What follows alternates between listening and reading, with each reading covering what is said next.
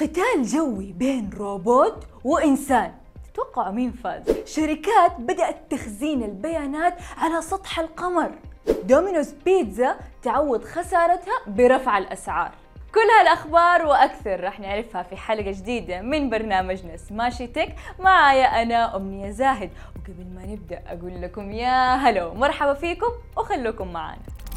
لحظة انتصار سجلها الذكاء الاصطناعي بعد ما فاز في حرب جوية ضد البشر. بعد ما عملت القوات الجوية الصينية هذه التجربة وبدأت مواجهة بين طيارتين. واحدة يقودها إنسان وواحدة يقودها روبوت. وبعد 90 ثانية الذكاء الاصطناعي انتصر وأثبت أنه أكثر كفاءة في القتال وأسرع كمان. بعد التحليلات والدراسات نشرت الصحف الصينية إنه الأسباب ترجع لأن الروبوت ما يعتمد على عوامل الحياة البشرية زي مثلا وصول الدم والأكسجين للدماغ وضغط الدم وغيرها. غير إنه الروبوت كان يطور تحركاته ويتعلم بشكل سريع أثناء القتال. وبكذا النتيجة عندنا واحد صفر لصالح الذكاء الاصطناعي.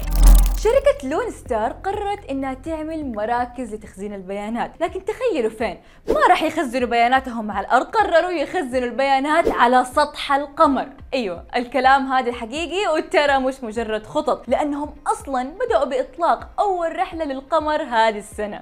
ومخازن البيانات المصغرة هذه تقدر تتحمل 16 تيرا بايت من البيانات. وقالت الشركة إنه حفظ البيانات هناك راح يكون صديق للبيئة وراح يكون أأمن لبياناتنا.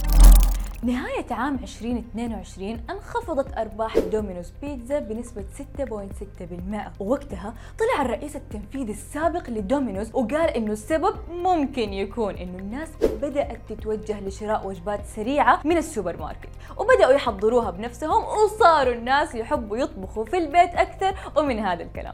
لكن في مصادر قالت إنه السبب الرئيسي هو ارتفاع سعر التوصيل وتسليم الطلبات وإن دومينوز كانت ترفض تماما إنه يتم توصيل وجباتها من أي برنامج تاني إلا من خلال برنامج دومينوز وبرسوم توصيل عالية كمان.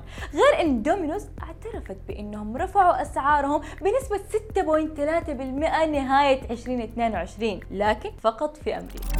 وقبل ما ننهي حلقتنا خلوني كالعادة آخذ فيكم لفة سريعة على أخبار وأرقام قد تهمكم. خاصية My AI بدأت توصل للمستخدمين في سناب شات، لكن كمان بدأوا محتالين التقنية يقلدوا الحساب ويرسلوا إضافات، بس ترى انتبهوا My AI ما يرسل لكم إضافة، يكون موجود من نفس السناب شات. واتساب بدأت خاصية جديدة وهي منع المكالمات من الأرقام اللي مو مسجلة عندنا، الحمد لله. ومايكروسوفت أعلنت إنه Outlook أصبح مجانا لمستخدمين MacBook وما يحتاج اشتراك. وهذه كانت أخبارنا في حلقتنا اليوم من برنامجنا Smashi Tech وكنت معاكم أنا أمنية زاهد. خلونا نشوفكم الحلقة الجاية واشتركوا في القناة ولا تنسوا تتابعوا حسابات سماشي على مواقع التواصل الاجتماعي. في أمان الله.